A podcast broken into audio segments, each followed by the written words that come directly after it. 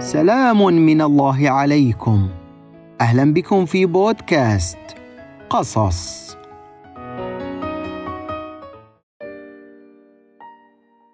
كان حبيب يعيش في مدينة نائية ولم يعرف يوما سوى هذه المدينة يعتبرها كل العالم. المدينة محاطة بثلاثة أسوار هائلة تشبه سور الصين العظيم. ولها بوابات عليها حراس متمرسين لحماية المدينة من كل ما يأتي من خارجها إلى أهلها في الداخل. ينظمون دخول البضائع وينتقون الجيد من السيء ثم يقررون أي المواد التي ستعرض في السوق المركزي. كان حبيب ينظر إلى الحراس بعين مذهولة. يراهم حماة المدينة من الشرور والمخاطر. ويحلم بأن يقف معهم يوما ما عند البوابه كبر حبيب وحلمه يكبر في داخله بأن يصير حارس بوابة.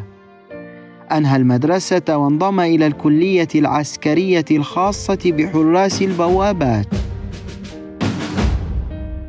وهناك تعلم أصول المهنة وحدود المهمة.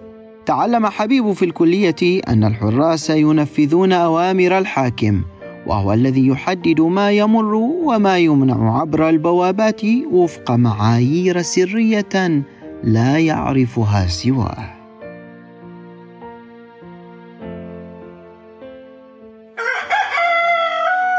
كان حبيب يستيقظ مع طلوع الفجر ويصل إلى البوابة قبل موعد نوبته بوقت طويل. تغمره الفرحه وينظر لنفسه بفخر واعتزاز أنه حامي المدينة حارس البوابة. يقف عند بوابة المدينة ببزته العسكرية. يمنع هذا ويسمح لذاك فخورا بزيه وسلاحه.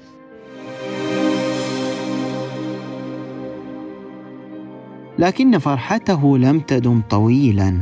فبعد أشهر قليلة قرر الناس الثورة على الحاكم. وهجموا على أسوار المدينة وأطاحوا بها. وسمحوا لكل بضاعة بالدخول إلى المدينة فيما أصر الحاكم أن تبقى البوابات قائمة ولو من دون أسوار. أعلم أنكم تنتظرون نهاية القصة لكنني آسف. فقد انتهت هنا. حارس البوابة هي نظرية من نظريات الاتصال.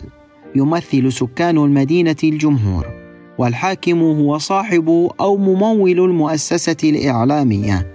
وحارس البوابة هم العاملين في المؤسسة الذين ينفذون سياسات واتجاهات صاحب المؤسسة يمنعون خبرا ويسمحون بخبر. وفق ما يوافق اتجاهاته وقيمه.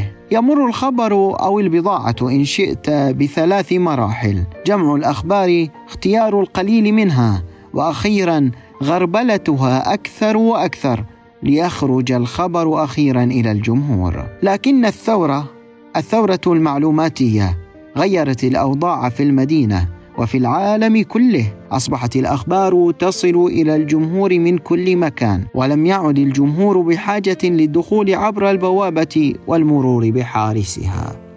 أصبح الناس يصنعون الخبر ويتداولونه بسرعة البرق ولكن السؤال الذي أنهي به هذه الحلقة هل انتهى دور حارس البوابة؟ أم أنه غير طريقته في تمرير البضائع والأخبار؟ بانتظار أجوبتكم على صفحتي في الإنستغرام.